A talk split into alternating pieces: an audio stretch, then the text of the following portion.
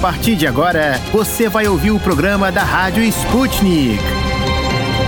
Saudações, estimados ouvintes. Eu, Pablo Rodrigues, estou de volta depois de duas semanas de férias para comandar com a minha colega Ana Lívia Esteves o programa da Rádio Sputnik diretamente de Moscou. É isso mesmo, caros ouvintes. E o programa dessa terça-feira, 14 de dezembro, vai dar o que falar. Mas antes das entrevistas, que tal a gente conferir o que está rolando no Brasil e no mundo, Pablo? Boa ideia, Ana. Até porque o site do Ministério da Saúde do Brasil não está conseguindo desviar dos ataques de hackers. Já foram dois ataques, acredita? Pois é, caros ouvintes. O segundo ataque foi confirmado pelo ministro da Saúde, Marcelo Queiroga, na segunda-feira, dia 13. Queiroga admitiu o problema horas depois de o próprio ministério ter negado o ataque que ocorreu na madrugada da segunda-feira, dia 13, e ter dito que a suspensão do funcionamento de sistemas internos foi realizada como manutenção preventiva. Já de noite, o ministro Queiroga confirmou que, na verdade, o desligamento foi efetuado para recuperar a rede interna da pasta. Os hackers derrubaram o sistema de e-mails e muitos outros do ministério. E o Queiroga até chegou a dizer que, embora a tentativa de invasão não tenha sido bem sucedida, ela tumultuou. E o que está tumultuando também é a urna eletrônica, queridos ouvintes. Na segunda-feira, dia 13, a Justiça Eleitoral apresentou o um novo modelo de urnas eletrônicas para serem usadas já nas eleições do ano que vem. E segundo o Tribunal Superior Eleitoral, o modelo do equipamento vai ser mais moderno, mais mais seguro e trará novos recursos de acessibilidade. A urna foi apresentada pelo presidente do TSE, Luiz Roberto Barroso, durante uma visita à fábrica de equipamentos em Manaus. O modelo usado até hoje é de 2015. Tudo indica que a nova urna vai ter um processador 18 vezes mais rápido e uma bateria que não precisa de recarga. No que se refere às críticas ao sistema de votação eletrônico, articuladas ultimamente pelo presidente Jair Bolsonaro, o ministro do TSE, Luiz Roberto Barroso, afirmou que é um assunto, aspas, enterrado. E ainda na segunda-feira, 13 de dezembro, a Rússia vetou a resolução do Conselho de Segurança que formalmente liga as mudanças climáticas e a segurança global e é apoiada pela maioria dos Estados-membros da ONU. Por iniciativa do Níger e Irlanda, o projeto da resolução insta o secretário-geral, Antônio Guterres, a, aspas, integrar o risco relacionado com o clima como elemento central nas estratégias globais de prevenção de conflitos. O texto ganhou apoio de 12 dos 15 membros do Conselho. A China absteve-se, enquanto a Índia votou contra, argumentando que o aquecimento global é principalmente um assunto relacionado mais com o desenvolvimento econômico do que com a segurança internacional. A resolução exortou o chefe da ONU a relatar em dois anos, aspas, sobre a implicação de segurança das mudanças climáticas e apresentar recomendações de como esses riscos podem ser enfrentados. O embaixador da Rússia na ONU, o Vassili Nimbenzia, afirmou que a resolução criaria confusão e duplicação com outros fóruns das Nações Unidas que lidam com mudanças climáticas. Segundo Nimbenzia,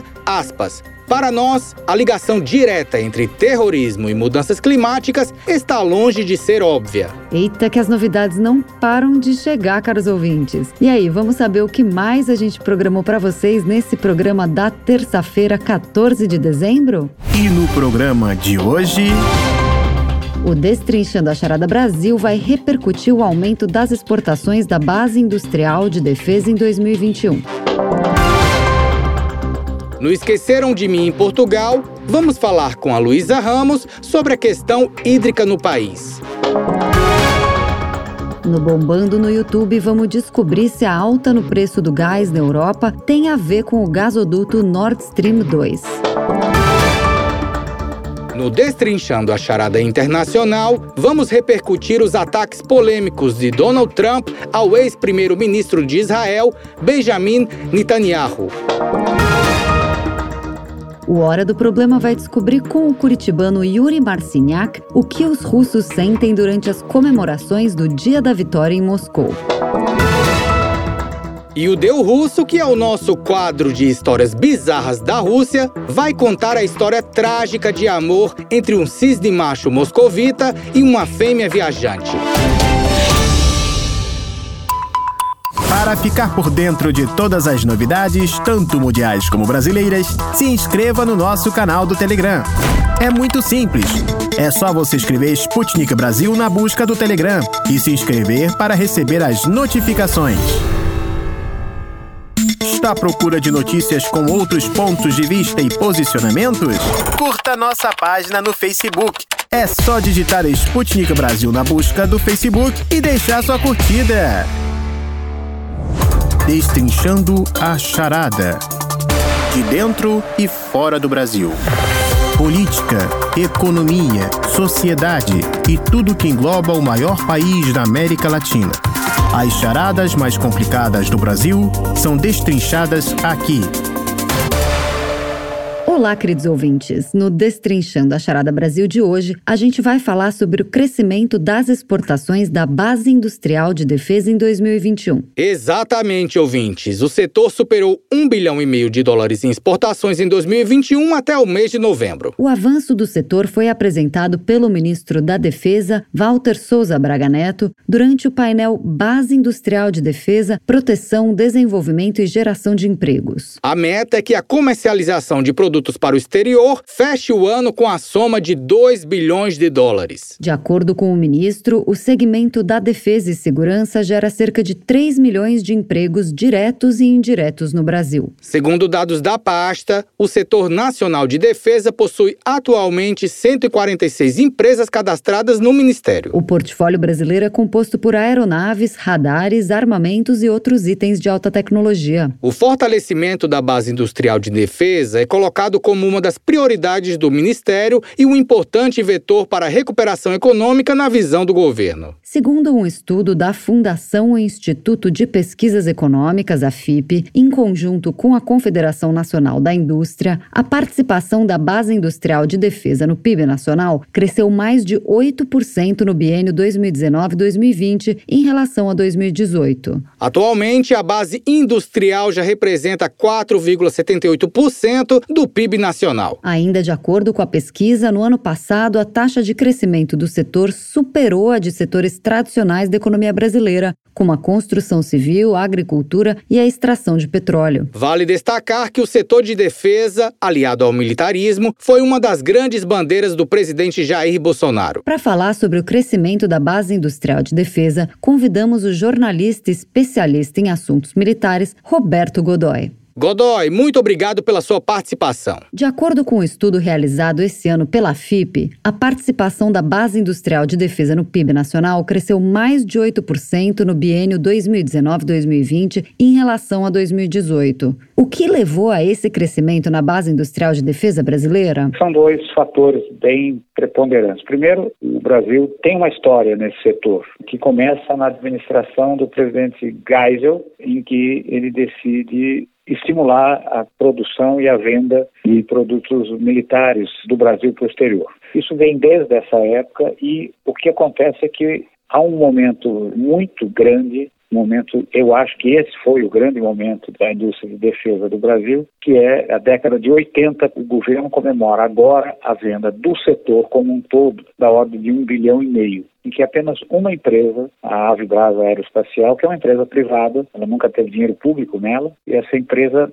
em 1984, é, exportou 1 bilhão e 100 milhões, apenas ela. E nessa época, você tinha o grande complexo da Ingesa, Engenheiros Especializados S.A., que foi uh, o grande diferencial daquele momento. Ela, é, é, a Ingesa produzia tudo, ela produzia os blindados sobre rodas dos quais a gente fala até hoje, que estão ainda hoje sendo, depois de várias modernizações, essa coisa toda, estão disponíveis hoje, são usados hoje pelo, pelas Forças Armadas Brasileiras. É o Cascavel, que é um reconhecimento armado com canhão de 90 milímetros, Urutu, que é um transporte, e chegou a produzir os protótipos do que teria sido talvez o o tanque pesado, o tanque principal de batalha mais importante da década de 90 não tivesse sofrido reveses muito sérios e acabou não sendo nem mesmo lançado no mercado. A empresa quebrou antes de lançá-lo e aí é uma outra e longa história. Né? Agora, o que acontece nesse momento é que todo esse processo que entrou nos anos 90 em baixa. O setor que tinha cerca de 120 empresas foi praticamente desmantelado. A maioria delas foi se dedicar a outras atividades, muitas quebraram. o que é que restou? A divisão, a divisão militar da Embraer, a Avibras e o pessoal que produz equipamento de porte pessoal, tipo, como por exemplo a Taurus, produz fuzis, produz armas e armas leves de maneira geral, uma das maiores do mundo. Esse pessoal aqui, é, no caso da Vibraz, mantém, no caso dos outros, herdou esse procedimento. Só que agora, de uma forma muito mais organizada, planejada, com previsão, meta, compromissos a serem atendidos e permanência, ainda que aos trancos e barrancos, mas é importante que se mantenha, do seu grande e principal cliente, que é o próprio governo brasileiro, as Forças Armadas Brasileiras. Você é muito mais confortável ir para o exterior, apresentando, por exemplo, um lançador múltiplo de foguetes que é usado pelo Exército Brasileiro, pela Força de Fuzileiros Navais, pela Infantaria da Força Aérea, do que você chegar com um produto que as Forças Armadas do seu próprio país não usam. Então, esse realmente é, é, o pulo do gato aí. O segredo da história é o de polichinelo. Na verdade, é o resgate de uma tradição. Né? A bandeira da defesa e do militarismo foi muito defendida pelo presidente Jair Bolsonaro ao longo da sua carreira política, principalmente durante as últimas eleições. Houve algum tipo de ação do governo nos últimos anos para impulsionar esse setor? Não, eu acho que diante de tudo que a gente vê, das atrapalhadas desse governo, da maneira atabalhoada como ele funciona, o simples fato de não ter criado problemas, de não ter atrapalhado, já foi um estímulo. Ele manteve os programas, claro, dificuldades financeiras, alongou alguns deles, Aliás, a gente tem também que pensar um pouco no que aconteceu ao longo do tempo. Em 2007, veja quanto tempo faz, né? O então presidente Lula decide resgatar um plano de reequipamento e modernização das Forças Armadas, objetivando um reflexo na indústria de defesa. Ou seja, tudo que fosse comprado fora teria que ser comprado com transferência de tecnologia. Os dois casos mais claros disso, o programa de submarinos, o ProSub, os submarinos convencionais, nessa primeira fase vai terminar com a construção e operação de um submarino de propulsão nuclear e o programa de renovação da frota de caças de superioridade aérea da Força Aérea Brasileira, da Aviação Militar Brasileira. As compras foram feitas na França, no caso dos submarinos, e na Suécia, no caso dos caças, com o compromisso no primeiro item, não é nem a especificação da compra, mas é de que a compra está condicionada à transferência de tecnologia ampla e praticamente irrestrita. Claro que ela não é 100% irrestrita, porque envolve informações e conhecimento que de alguma forma são privilegiadas e que ninguém transfere para ninguém, mas isso é um pequeno gap e esse gap pode ser facilmente superado pelas agências de pesquisa e desenvolvimento industrial tecnológico na área de armamentos do próprio Brasil, que tem públicas e privadas ótimas agências nesse setor. Digamos que a gente tem aí nessa área uma ilha de excelência e o governo fez muito não atrapalhando, como fez em outras áreas em que se meteu e as coisas a gente está vendo aí o que está acontecendo. Segundo o Ministério da Defesa, o portfólio brasileiro é diverso quando falamos em exportações do setor. Dentro da Base Industrial de Defesa Nacional, Quais são os setores que mais se destacam? Eu acho que é o setor de produção daquilo que é conhecido tecnicamente como produção de vetores não tripulados, ou seja, foguetes e mísseis, que é o caso da Avibras Aeroespacial, e tem um produto que é reconhecido internacionalmente, que é o Astros 2, que está entrando na sexta geração, em que os clientes do mundo, principalmente da região do Golfo, que são usuários desse equipamento, contrataram modernização dos seus equipamentos e as vendas nos novos equipamentos é chamada de Astros 2020, Astros 2020. E o ano passado foi o ano da consolidação da nova geração, que é a sexta geração, em que que é que é o diferencial? É um lançador de foguetes de saturação, foguetes de artilharia, a diferença entre foguete e míssil é que o míssil tem um sistema de navegação, um sistema de guiagem eletrônico, e o foguete não. Ele tem uma estabilização aerodinâmica, você o dispara do ponto A para atingir o ponto B, e ele faz essa trajetória direcionado contra aquele alvo. Por isso aqui é de saturação, você lança muitos desses foguetes para atingir uma determinada área, essa coisa toda. E pulo do gato, quer dizer, o que é que faz do Astros um produto muito interessante no mercado? Ele lança três tipos, ou o mesmo tipo, a mesma bateria, né, as mesmas carretas blindadas, é, as mesmas rampas de lançamento, lançam três diferentes tipos de foguetes. Um com alcance na faixa relativamente próxima, aí na faixa de 15 quilômetros, 14, um outro na faixa de 45 a 50 e um outro pesado na faixa de até de 80 a 100 quilômetros. E agora incorporou ao sistema um míssil, e aí sim é um míssil de cruzeiro muito sofisticado, com alcance de 300 quilômetros. E ele, esse sim, procura o alvo, faz navegação, é todo digital, e esse alcance de 300 quilômetros é o que ele foi limitado a 300 quilômetros que é o alcance negociado pelo Brasil e por vários outros países no Tratado de Não Proliferação de Mísseis Balísticos. Então, isso é o que transforma num grande atrativo e é onde tem havido maior desenvolvimento tecnológico, embora também haja conquistas significativas no setor aeronáutico, como é o caso da Embraer com o KC-300, o Cargueiro, né, o maior avião produzido pela empresa. Cargueiro múltiplo também é avião tanque, ele faz reabastecimento em voo de outras aeronaves, ele também pode fazer socorro médico, pode servir de UTI fixa, ele pode pousar em algum lugar e atender gente ali, e ele é o KC-390 Millennium. E, naturalmente, o best-seller Embraer Defesa e Segurança, que é o ramo militar da Embraer, que é o Super Tucano, que é usado hoje por 13 países conhecidos, 15 se a gente considerar dois clientes que não foram revelados. Ao todo, o governo espera fechar o ano com a soma de 2 bilhões de dólares em exportações. Quais são os principais destinos dos produtos gerados pela base industrial de defesa brasileira? Faz parte do processo um sigilo muito grande. Vários clientes, todos eles pedem sigilo quanto aos valores envolvidos. É sempre feita uma estimativa considerando-se o valor de mercado, produto, uma coisa assim. E a gente tem um exemplo claro, por exemplo, no Super Tucano. Na versão básica, a versão pé boi, por assim dizer, a versão carro popular, né, para ficar compreensível, um mínimo de equipamento, essa coisa, custa 9 milhões de dólares.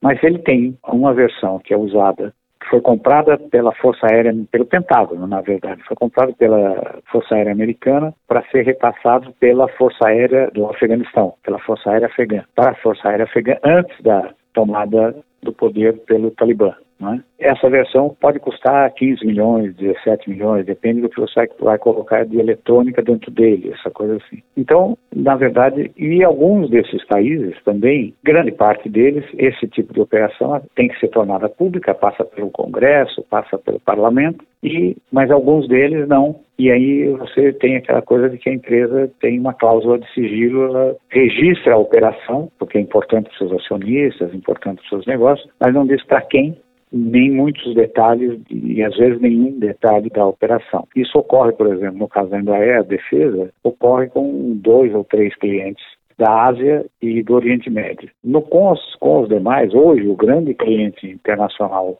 de equipamentos tirando, saindo fora dos produtos aeronáuticos é a Arábia Saudita que comprou um lote considerável de, dos novos lançadores de foguetes, da munição, ou seja, dos foguetes em novas versões, para os seus antigos lançadores, que ela já operava anteriormente, que ela modernizou e comprou novos equipamentos. E, ao mesmo tempo, agora você tem a Indonésia, é um cliente, a Malásia é outro cliente, a defesa do Golfo de Málaga, por exemplo, é uma, e isso é uma utilização criada, uma doutrina de utilização especificamente para esse cliente. A Malásia cuida do ali a região, o Golfo de Málaga, o Estreito de Málaga, todo ele controlado por uma unidade de artilharia que usa foguetes.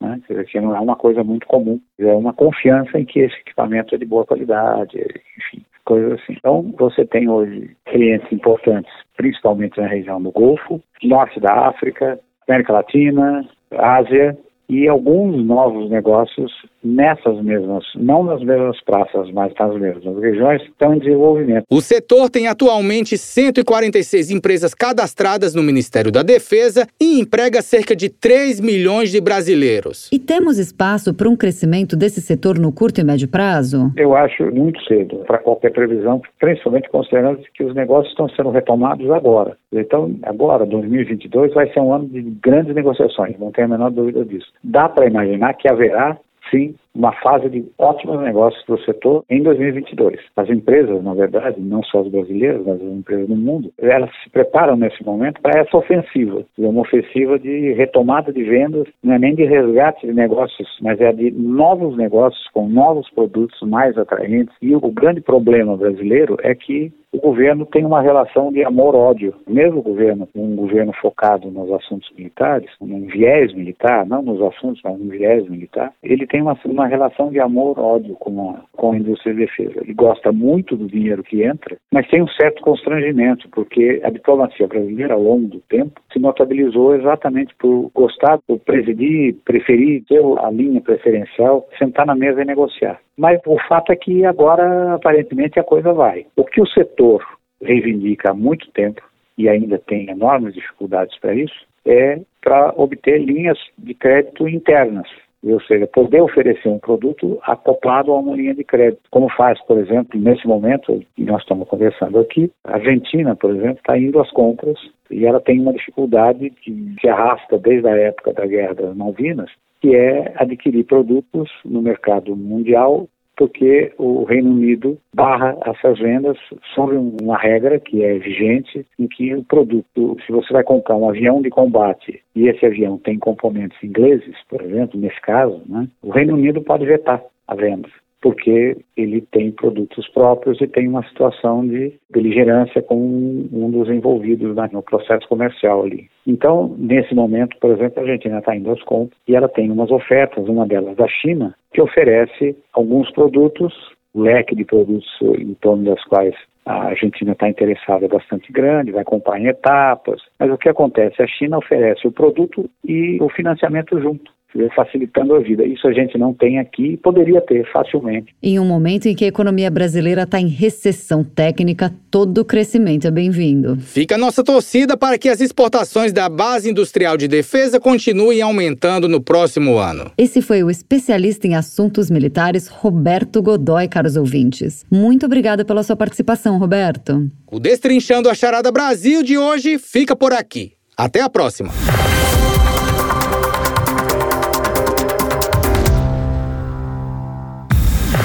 Não se esqueça de ler, curtir e comentar nossas matérias no site br.sputniknews.com. Está à procura de notícias com outros pontos de vista e posicionamentos? Curta nossa página no Facebook. É só digitar Sputnik Brasil na busca do Facebook e deixar sua curtida. Esqueceram de mim em Portugal. Senhoras e senhores passageiros, apertem os cintos de segurança porque estamos prestes a decolar rumo a Portugal. A tripulação Sputnik Brasil deseja a todos uma ótima viagem.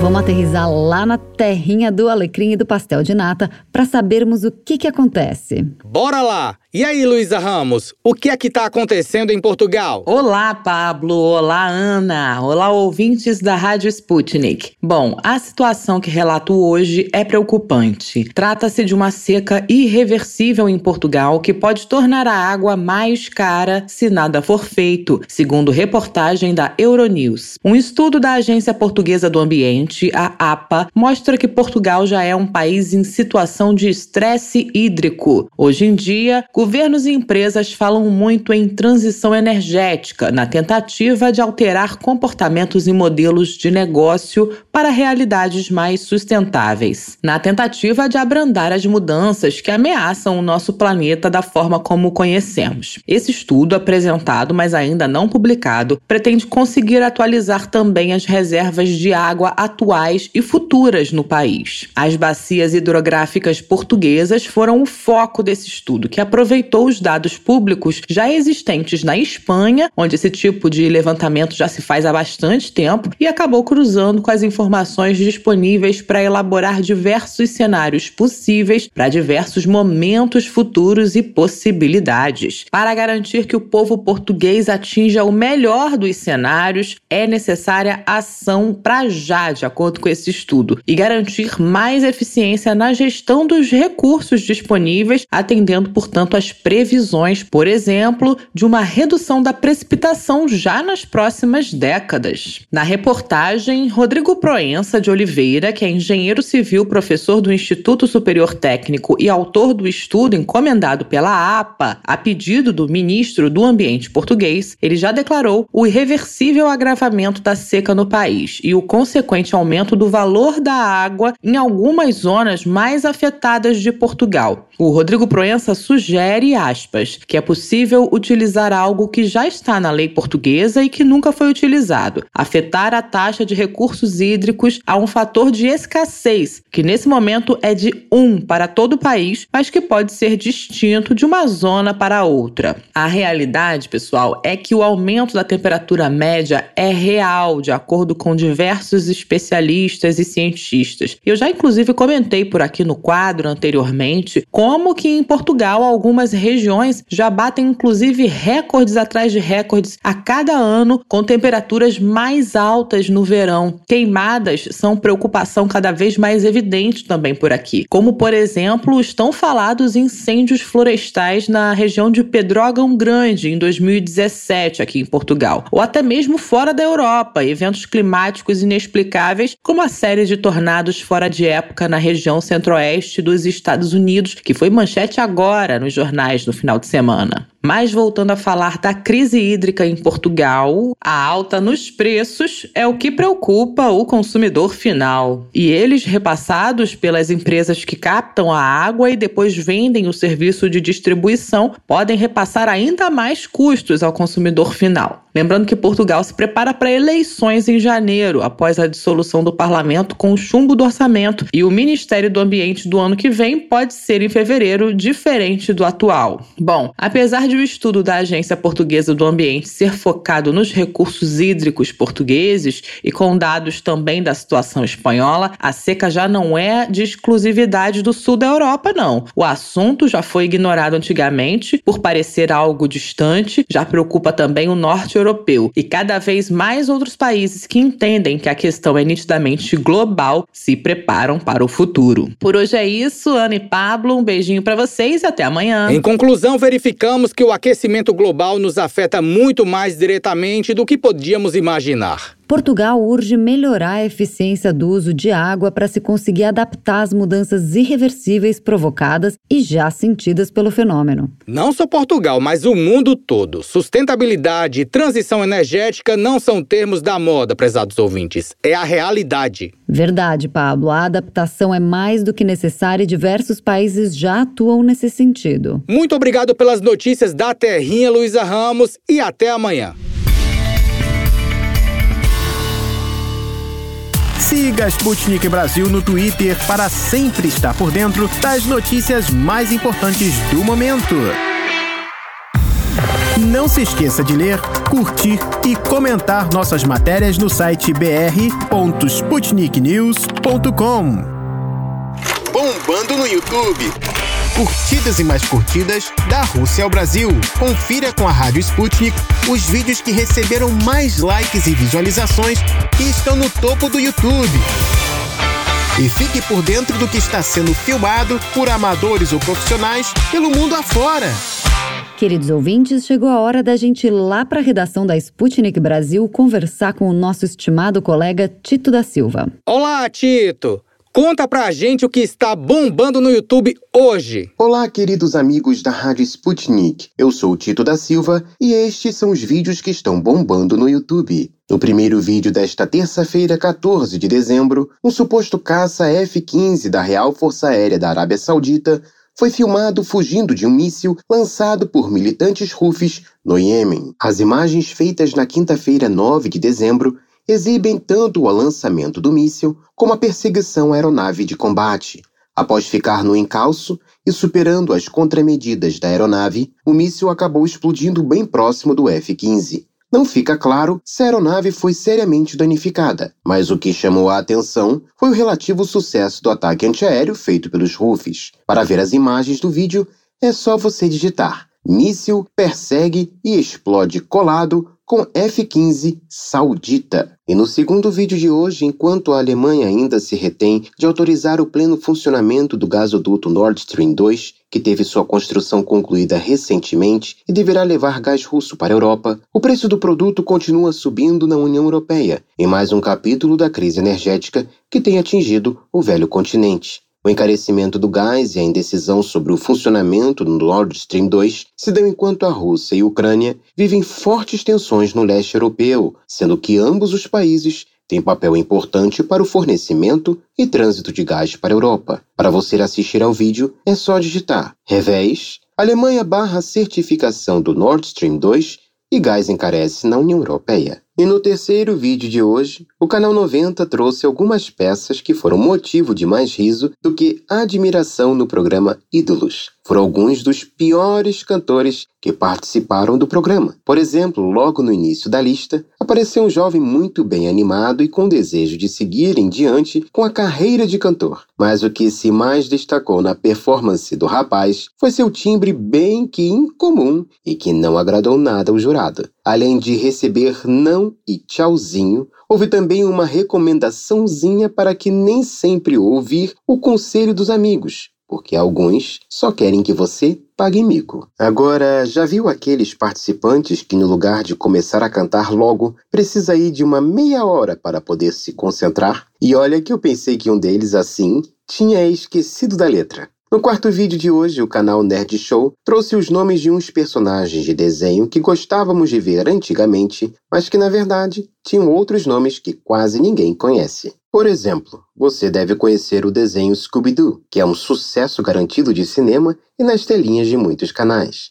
Desde 1969, o cachorro, que é um dos mais medrosos do mundo, enfrenta bandidos, malfeitores e muitos picaretas que quase sempre aparecem em forma de fantasmas. Mas, na verdade, Scooby se chama Scoobert-Doo. Já Scooby é só um diminutivo do seu nome. Outro personagem do desenho que tem seu verdadeiro nome pouco conhecido é o Salsicha. Em um dos filmes em que é mostrado o momento em que Salsicha e Scooby se encontram pela primeira vez, Salsicha diz que se chama Noville Rogers. E no quinto vídeo de hoje, o canal TechZone selecionou umas invenções bem bacanas para quem gosta de tecnologias. Uma delas é a coleira tipo salva-vidas OneUp. Ela nada mais é que um dispositivo que mantém uma pessoa que está na água com a cabeça para fora da superfície, mesmo quando ela está inconsciente. Quando o dispositivo percebe que a pessoa pode estar em perigo, ele emite um bip para alertar que em breve inflará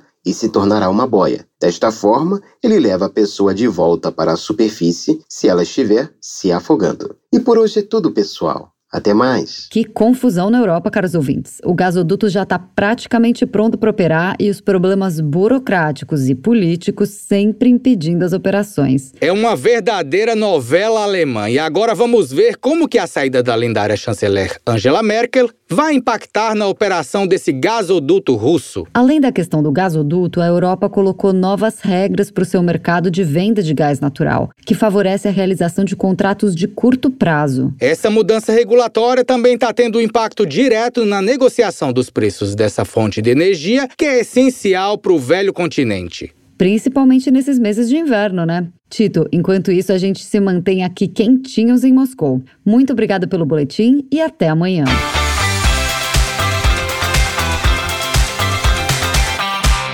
Está à procura de notícias com outros pontos de vista e posicionamentos? Curta nossa página no Facebook. É só digitar Sputnik Brasil na busca do Facebook e deixar sua curtida. Os vídeos mais esperados estão disponíveis no nosso canal no YouTube. Para encontrá-lo é fácil. É só buscar Sputnik Brasil no YouTube, aproveitar as imagens e ainda se informar. Destrinchando a charada. Encruzilhada Internacional. Relações políticas, socioeconômicas e muito mais entre as nações deste mundão. Da Rússia aos Estados Unidos. Encontre com a gente as respostas às perguntas do momento. Estimados ouvintes, Hoje, no nosso quadro Destrinchando a Charada Internacional, vamos comentar a polêmica mais recente envolvendo o nome do ex-presidente dos Estados Unidos, Donald Trump, que fez ataques ao ex-primeiro-ministro de Israel, Benjamin Netanyahu. O ex-chefe de Estado dos Estados Unidos criticou Netanyahu por esse ter parabenizado, na opinião de Trump, cedo demais o atual presidente dos Estados Unidos, Joe Biden, depois da vitória nas eleições norte-americanas. O israelense cumprimentou Biden em 8 de novembro, depois da mídia declarar o democrata como vencedor. Os comentários de Trump foram divulgados na última sexta-feira, dia 10 de dezembro, mas foram feitos durante uma entrevista entrevista concedida há alguns meses ao jornalista israelense Barak Ravid. Ravid publicou um livro sobre os acordos mediados pelo ex-presidente norte-americano no Oriente Médio. Olha, mas a polêmica não para por aí. O Trump disse sobre Netanyahu, aspas, ele falou muito cedo, mais cedo que a maioria. Desde então, não tenho falado com ele. Ele que se for. Na visão do republicano, nenhum líder internacional teria sido beneficiado mais pela sua presidência do que o israelense, chamado por Trump na entrevista pelo apelido de Bibi. Para Donald Trump, aspas, Bibi poderia ter ficado quieto. Ele cometeu um erro terrível. Eu não falo com ele desde então. No Brasil, por exemplo, outro aliado internacional de Trump, o presidente Jair Bolsonaro, só reconheceu a vitória de Biden mais de um mês depois, sendo um dos últimos líderes a cumprimentar o norte-americano. E o Trump citou a demora do Bolsonaro e do presidente da Rússia, Vladimir Putin, alegando que, aspas, eles sentiram que a eleição foi manipulada. No entanto, não há indício de fraudes comprovados nas eleições dos Estados Unidos, nem que esse tenha sido o cálculo dos líderes de Brasil e Rússia. Ainda na entrevista polêmica, o ex-presidente dos Estados Unidos se queixou da falta de lealdade do antigo líder israelense, afirmando que se ele não tivesse abandonado o acordo nuclear com o Irã, talvez Israel teria sido destruído. A entrevista aconteceu logo depois do Netanyahu perder o seu cargo de premier que ele ocupou durante 12 anos consecutivos. Agora, o ex-primeiro-ministro faz oposição ao governo de Naftali Bennett, atual premier de Israel. Para repercutirmos essas falas de Trump e as relações Estados Unidos e Israel, convidamos o Leonardo Paes Neves professor de Relações Internacionais do IBMEC Rio e especialista em política dos Estados Unidos. Olá, Leonardo. A gente agradece muito a sua disponibilidade em conversar com a gente hoje aqui no programa da Rádio Sputnik. Professor, em primeiro lugar, queremos saber, na sua opinião, qual é a relevância ainda nas falas do ex-presidente Trump e por que essa entrevista repercutiu tanto essa semana. Obviamente, parte da repercussão da vinha em função da agressividade da fala dele. Quer dizer, não é o que se espera de maneira geral que um presidente, enfim, um dizendo, um líder de um Estado vai falar de outro líder, no caso de ambos os líderes, né? Minha opinião, é o principal motivo dessa repercussão nesse momento. Porque, de fato, não há, não há nenhum elemento concreto ali, são dois ex-líderes estão no centro dessa fala. O que foi dito, ou que, que, o contexto em que o Trump fala, isso não vai impactar, ou não tem, né, vai na direção de impactar, de fato, nenhum tipo de política entre os dois países, né? É basicamente o Trump reclamando do reconhecimento, que, na opinião dele, foi muito rápido, do Netanyahu, em relação à eleição do Biden. Essa é grande crítica dele. Então, para além disso, isso não orienta nenhuma política de fato no sentido entre os dois países. Então, me parece que a repercussão de fato é mais em função da agressividade, enfim, fora do, do, protocolo que está acostumado no meio da política externa da diplomacia. Especialmente vindo dele, porque está acostumado em ele ter posturas assim. Né? Foi um, um, líder não convencional, continua sendo uma personalidade política não convencional. Então, assim, é razoável, quer dizer, a gente espera que venha esse tipo de fala dele, e não fiquei chocado, porque é uma coisa que eu esperaria dele. Eu fico mais chocado é com o espaço que a mídia dá por uma fala dessa. Trump falou que ninguém foi mais beneficiado pelo seu governo do que o Netanyahu. Na prática, o governo Trump Trump apoiou as demandas do líder israelense. Sim, dentre algumas medidas, o Trump transferiu a embaixada norte-americana de Tel Aviv para Jerusalém, fechou o consulado dos Estados Unidos para os palestinos da cidade e deixou o acordo nuclear com o Irã. Além disso, reconheceu a anexação das colinas de Golan território sírio ocupado por Israel, e ainda mediou os acordos de estabelecimento de relações diplomáticas com ditaduras árabes. Levando em conta esse contexto, Leonardo, faz sentido o ex-presidente dos Estados Unidos se queixar dessa falta de lealdade do ex-premier de Israel? O governo Trump foi mesmo bom para o governo de Netanyahu? Trump tem razão, professor? O Trump exagera muito quando ele fala que ele foi o melhor, ele foi o que mais fez, coisa parecida. Nesse contexto especificamente, me parece que sim. Ele talvez tenha sido o líder americano que mais comprou a agenda conservadora israelense. Né? E não é a agenda israelense de maneira geral, é conservadora, que era certamente do partido Likud do Netanyahu. Ele limitou o máximo possível os laços com os palestinos, fechou o consulado na região leste de Jerusalém, que atendia basicamente os palestinos. Ele tentou criar um, plano de paz que era basicamente da tinha viés em favor dos israelenses, enfim, deu apoio financeiro, ele quase ignorou a questão do aumento dos assentamentos israelenses, enfim. Então ele realmente foi um líder que apoiou quase acriticamente a política conservadora do Netanyahu. Então, nesse sentido, eu tenho um pouco de razão. O Trump foi muito benevolente, de certa maneira, o Netanyahu. O Netanyahu sabe e é um animal político, né? quer dizer, mais do que o Trump, na minha opinião. Ele viu para onde o vento estava indo, ele viu que o Trump não, ia, provavelmente não ia ganhar e dificilmente ia conseguir voltar para a política, não parece. Então, ele rapidamente tentou abrir um canal com o Biden, porque ele, imagino eu, tenha estimado que essa pecha de grande lealdade em relação ao Trump talvez fosse causar danos em relação ao Biden, porque parte da política do Biden, das promessas, melhor dizendo, do Biden, iam contra o que o Trump estava fazendo, que favoreceu Netanyahu. Então, de repente, é uma maneira que ele, dele tentar mitigar esse possível dano futuro. Faz parte da diplomacia internacional parabenizar presidentes eleitos. Leonardo, faz sentido a reclamação de Trump sobre Netanyahu ter congratulado Joe Biden pela vitória nas eleições norte-americanas? Você poderia também, por favor, comentar a comparação com a atitude de Bolsonaro? O que ele esperava que fosse dar mais tempo, né? Porque o Trump ele te, encerra as eleições, né? E não conhece a derrota. Ele fica criticando dizendo que ele foi roubado, tentou entrar na justiça,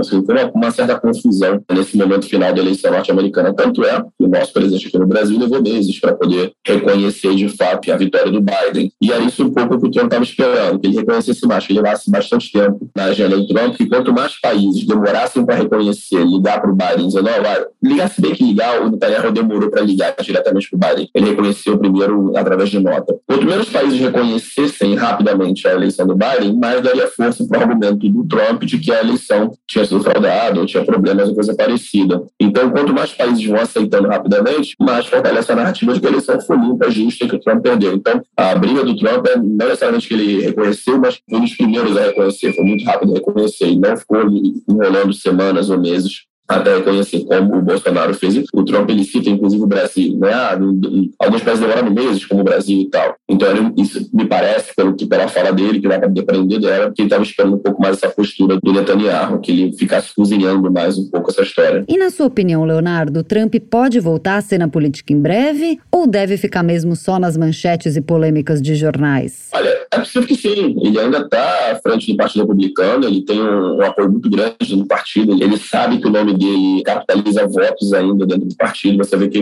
o Partido Republicano brigou com ele, enfim, tenta transformar o máximo possível dele, mas parte do partido, e quando eu digo partido, eu digo dos políticos mesmo, dos prefeitos, dos deputados, senadores, enfim, eles ainda acham que o Trump ele é um grande cabo eleitoral. Então, você ainda ficar alinhado a ele significa que você, quando for para eleição, de eleição legislativa, esses caras estão, ou, ou nas prefeituras, ou nos governos do Estado, esses caras estão achando que ficar alinhado com o Trump vai render votos se vocês ganharem. Então, e romper com o Trump vai taxar de traidor porque o Trump é desse tipo, que taxa, se você não vai alinhar com ele, ele taxa traidor. E esse pessoal tende a perder esses votos e perder seus assentos por aí. Então, o Trump ainda tem bastante força política nos Estados Unidos. Há uma expectativa nesse momento, quer dizer, só uma expectativa, né? Quer dizer, só uma, uma possibilidade, é que ele tente a próxima eleição, uma vez que o termo do Biden está muito no ar, falta muito tempo isso acontecer ainda, mas já tem gente que fala sobre isso. Leonardo, voltando para as relações entre Estados Unidos e Israel. Agora ambos, Trump e Netanyahu, saíram de cena. Como estão as relações dos atuais Biden e Bennett? Começam bem, enfim, é bom momento, são dois líderes novos, então eles tinham facilidade, a gente tinha pouca bagagem para poder lidar, só que elas acabam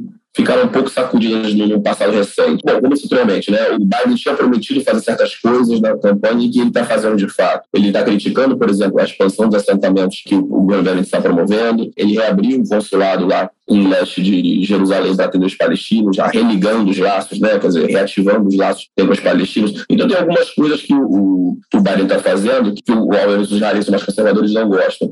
E o Bennett, pelo seu lado, ele tem uma situação complicada, porque ele também tem uma coalizão muito mais frágil que o Netanyahu tinha de maneira geral. E como ele tem uma coalizão mais, mais ampla e mais frágil, toda vez que o Biden, de certa maneira, toma uma atitude que vai contra a agenda dele, ele tem que se organizar ali para dar um certo troco, de certa maneira, ou fazer algo mais agressivo para poder mostrar para pessoas mais conservadores continuando os interesses de Israel e não cedendo para os Estados Unidos. Então ele vai e expande um pouco mais o assentamento, ou vai criar esse conjunto habitacional, essa área residencial que eles querem fazer em Jerusalém para poder ficar mais difícil ainda a divisão de Jerusalém entre leste e oeste. Então a relação começa boa, né? A pessoa falando em lua de mel e tal, no primeiro momento. Ficou um pouco hoje em dia sacudida em função de questões muito pontuais. Teve agora uma prisão, prendeu Israel cinco ou seis protestantes de direitos humanos e tal, e prenderam esse pessoal, e obviamente o Joe Biden criticou, o Joe Biden é muito cioso da questão de direitos humanos, ele tem sido, inclusive, com essa questão, inclusive, com a China. Só que eu acho que, assim, do ponto de vista estrutural,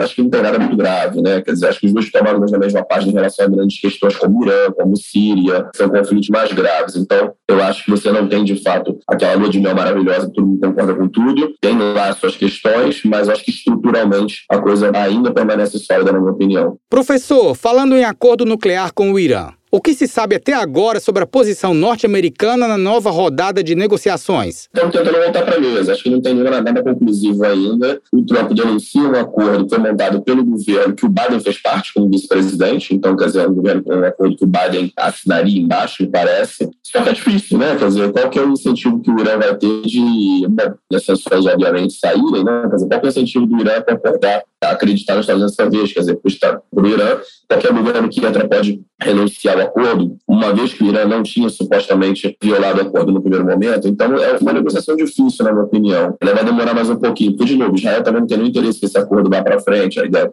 para Israel é melhor espremer cada vez mais o Irã economicamente, porque ele fica, se empobreça cada vez mais. Abrir as sanções contra o Irã, desbloquear os bens do Irã, os bens internacionais do Irã, é, é pior, né? porque era uma crítica grande que os setores mais conservadores nos Estados Unidos tinham em relação ao acordo, que você jogou para frente a questão do acordo com o Irã, porque eram 10 anos o acordo inicial, só que e você liberou uma montanha de dinheiro que estava tudo preso nos Estados do, do Irã pelo mundo todo, e o Irã continua ainda conduzindo lá o que eles chamam de proxy wars, né? quer dizer, apoiando grupos que os Estados Unidos considera terroristas que estão lidando com a guerra da Síria, com os palestinos, enfim. Então, na realidade, o Irã ganha mais musculatura para atuar numa área convencional, mas protela a situação, a resolução da questão nuclear. Então, eu acho que esse acordo não vai sair tão rápido, né? Eu acho que vai ser, enfim, vão ter que achar uma solução política e diplomática bem sofisticada para poder conseguir sentar na mesa de novo e sair com um acordo onde todo mundo consiga, mais ou menos, é, honrar o acordo. Mas acho que vai demorar mais um pouquinho, não, não deve ser simples, não, até porque a China está tá participando desse processo, a Rússia está participando desse processo, e o Biden não está em termos maravilhosos com nenhum dos dois. Então, eu acho que vai demandar mais um pouco de arte da diplomacia ali. Tendo em conta a longeva aliança entre Israel e Estados Unidos, Leonardo,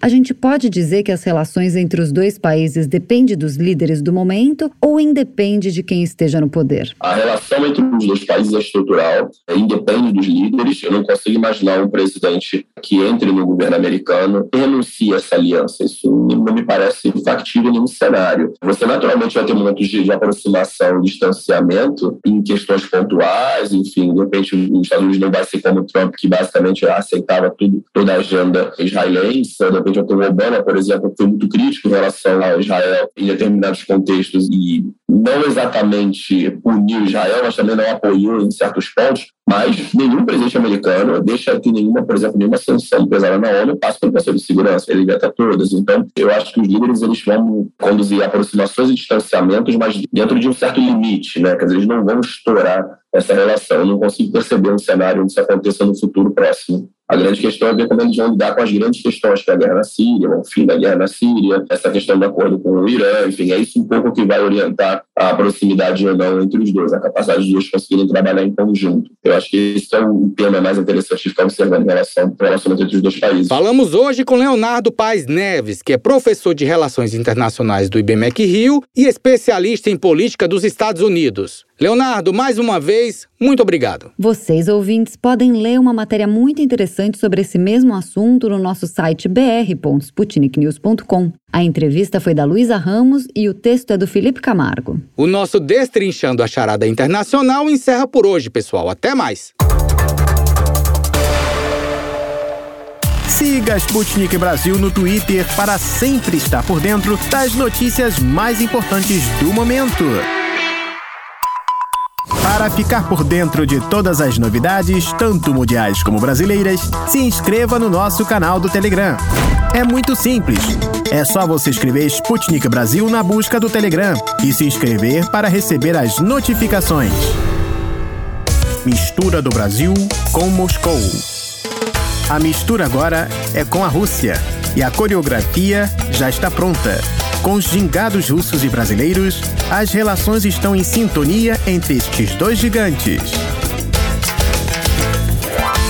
Viajar para a Rússia por si só é viajar na história, queridos ouvintes. Primeiro que todo brasileiro, em época de escola, acaba estudando dentro da história mundial um pouco do gigante russo. Verdade, a gente estuda muito sobre a União das Repúblicas Socialistas Soviéticas, sobre as duas guerras mundiais. A gente se depara com personalidades como Lenin, Stalin. Isso é, não falta a Rússia nos livros de história. Agora imagine só ter um laço familiar russo no Brasil e depois de anos ouvindo histórias sobre a Rússia, conseguir finalmente conhecer esse país tão distante. Bem, vamos ouvir um pouco sobre as viagens que o curitibano Yuri Marciniak fez pelo leste europeu e, claro, pela Rússia. Olá, Yuri. É um prazer ouvir mais uma história sua aqui na Rádio Sputnik. Olá a todo mundo que está nesse instante ouvindo a Rádio Sputnik. Eu me chamo Yuri, Listvan Marciniak, sou funcionário público, possuo 38 anos, curitibano, nascido no Paraná, morando atualmente na cidade de São Paulo e trabalhando aqui no centro de São Paulo. Agradeço a vocês pelo convite desta entrevista realizada. O prazer é todo nosso, Yuri. Me diz uma coisa, qual era o seu intuito quando veio visitar a Rússia e outros países do leste europeu? Eu sou uma pessoa bastante interessada nessa parte histórico-bélica daqueles países. Então, acho que o fator que mais me marcou na visita destes países foi tudo relacionado à Grande Guerra Patriótica. Por duas vezes já já estive nas comemorações do 9 de maio, do Dia da Vitória. Acrescentando um pouco sobre a Grande Guerra pela Pátria, trata-se justamente do período da Segunda Guerra Mundial, compreendido entre 22 de junho de 1941 e 9 de maio de 1945, e limitado às hostilidades entre a Alemanha nazista e seus aliados contra a União Soviética, queridos ouvintes. Vem cá, Yuri, qual foi a sensação de presenciar a Parada da Vitória? É algo único. Acredito que seja o maior evento no país em datas festivas. Nós temos ali uma comemoração, como diz né, a música do Dia da Vitória, é um sorriso cheio de lágrimas, onde nós verificamos toda a família ostenta uma foto de um parente de primeiro ou segundo grau no máximo que pereceu no conflito. Então é uma resposta hercúlea a uma agressão que o país sofreu durante a Segunda Guerra Mundial e que até hoje eles fazem questão de manter isso muito vívido. Não só no evento às 10 horas da manhã na Praça Vermelha, como nos eventos que se estendem ao longo do dia, deste dia 9 de maio e os anteriores, né? A festa acontece na semana toda. Então, quando nós visitamos, né, e meu irmão, na última vez que eu fui, e pudemos assistir de longe o desfile, porque a localização é toda fechada para pessoas convidadas e políticos internacionais que aparecem no local. Mas das comemorações das pessoas, né, no metrô, quem nunca viu aqui na internet pessoal cantando Catiuxa no metrô, Kalinka?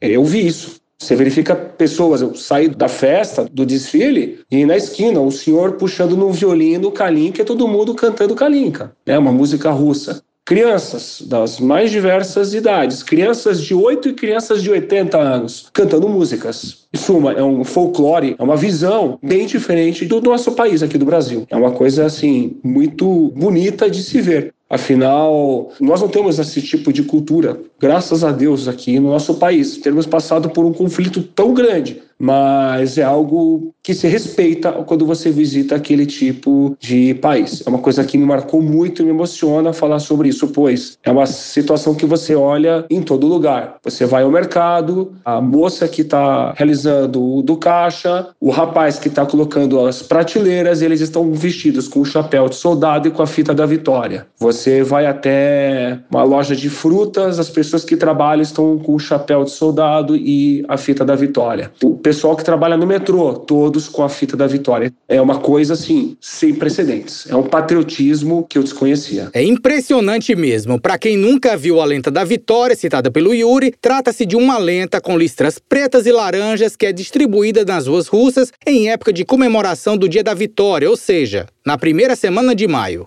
Se na Europa a vitória é comemorada em 8 de maio, na Rússia é comemorada no dia 9, porque aqui já era de madrugada. E a tradição pegou, caros ouvintes. Anualmente é organizada a Parada da Vitória em Moscou e em outras cidades rússias. Yuri, muito bom saber que você conseguiu ver de perto o que acontece na Rússia durante essa comemoração tão significativa para todos os russos. Um abraço forte e esperamos ouvir mais e mais histórias suas aqui, na Rádio Sputnik. Não se esqueça de ler, curtir e comentar nossas matérias no site br.sputniknews.com. Os vídeos mais esperados estão disponíveis no nosso canal no YouTube. Para encontrá-lo é fácil. É só buscar Sputnik Brasil no YouTube, aproveitar as imagens e ainda se informar.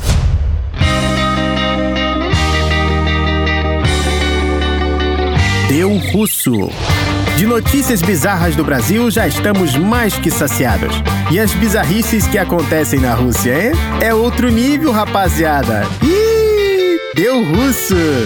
Quem nunca sofreu por amor, que atire a primeira pedra. Peraí, é assim mesmo que tá escrito na Bíblia, Ana? Mais ou menos, Pablo. Mas por que amor? Tem alguém sofrendo do coração em Moscou? Tem, mas não é qualquer moscovita, não. É o cisne branco do SEI, do Parque Sakolnik, localizado no nordeste da capital russa. Quatro anos atrás, um pequeno cisne branco foi encontrado sem forças por um moscovita que rapidamente levou a ave para um veterinário. Todo mundo passou a chamá-lo de Ducey. Depois de muitos cuidados, o Ducey foi transferido para o grande parque Sakolnik.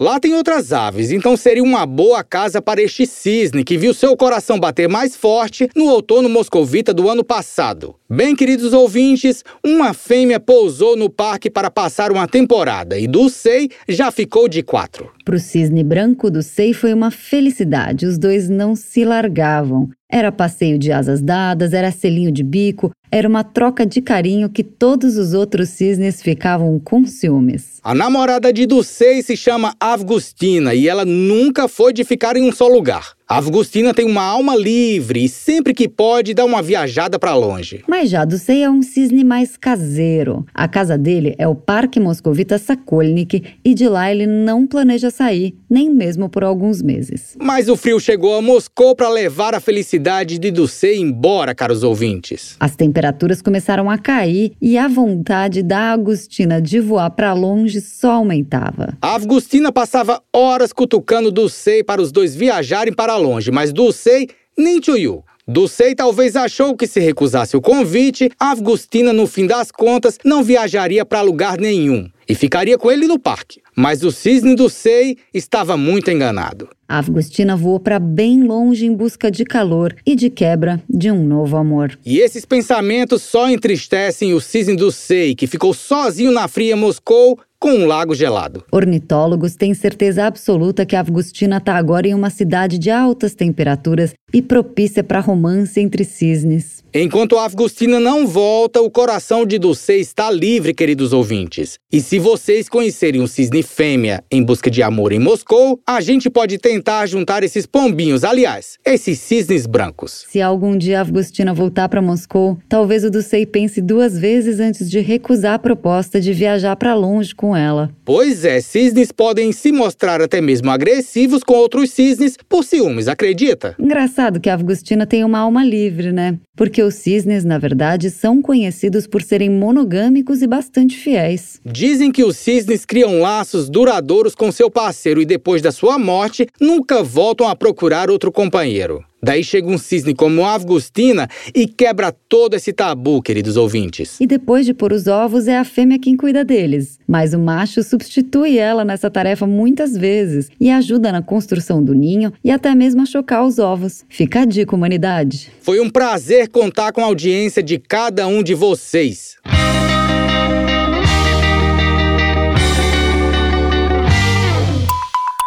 Para ficar por dentro de todas as novidades, tanto mundiais como brasileiras, se inscreva no nosso canal do Telegram. É muito simples.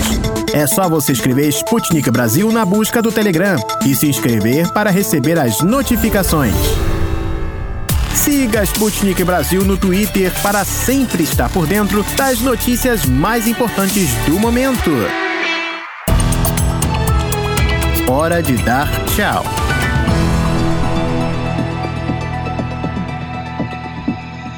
Queridos ouvintes, o nosso programa dessa terça-feira, 14 de dezembro, fica por aqui. Foi um prazer contar com a audiência de cada um de vocês. É um prazer pra gente ter você de volta, Pablo. Amanhã a gente está aqui, caros ouvintes. Mas para vocês ficarem por dentro das notícias do Brasil e do mundo, fiquem ligados nos canais da Sputnik Brasil no YouTube e no SoundCloud e no nosso site br.sputniknews.com. Até mais! O programa da Rádio Sputnik teve apresentação, produção e edição de texto de Ana Liv Esteves e Pablo Rodrigues, produção de conteúdo e edição de texto de Everton Maia, Luísa Ramos e Tito da Silva. O tratamento de áudio foi feito por Irina Kalganova e Nikita Novikov. A edição e montagem do programa são do Elton Vieira e do David Costa. O editor-chefe da redação da Sputnik Brasil no Rio de Janeiro é Renan Lúcio e em Moscou, Konstantin Kuznetsov.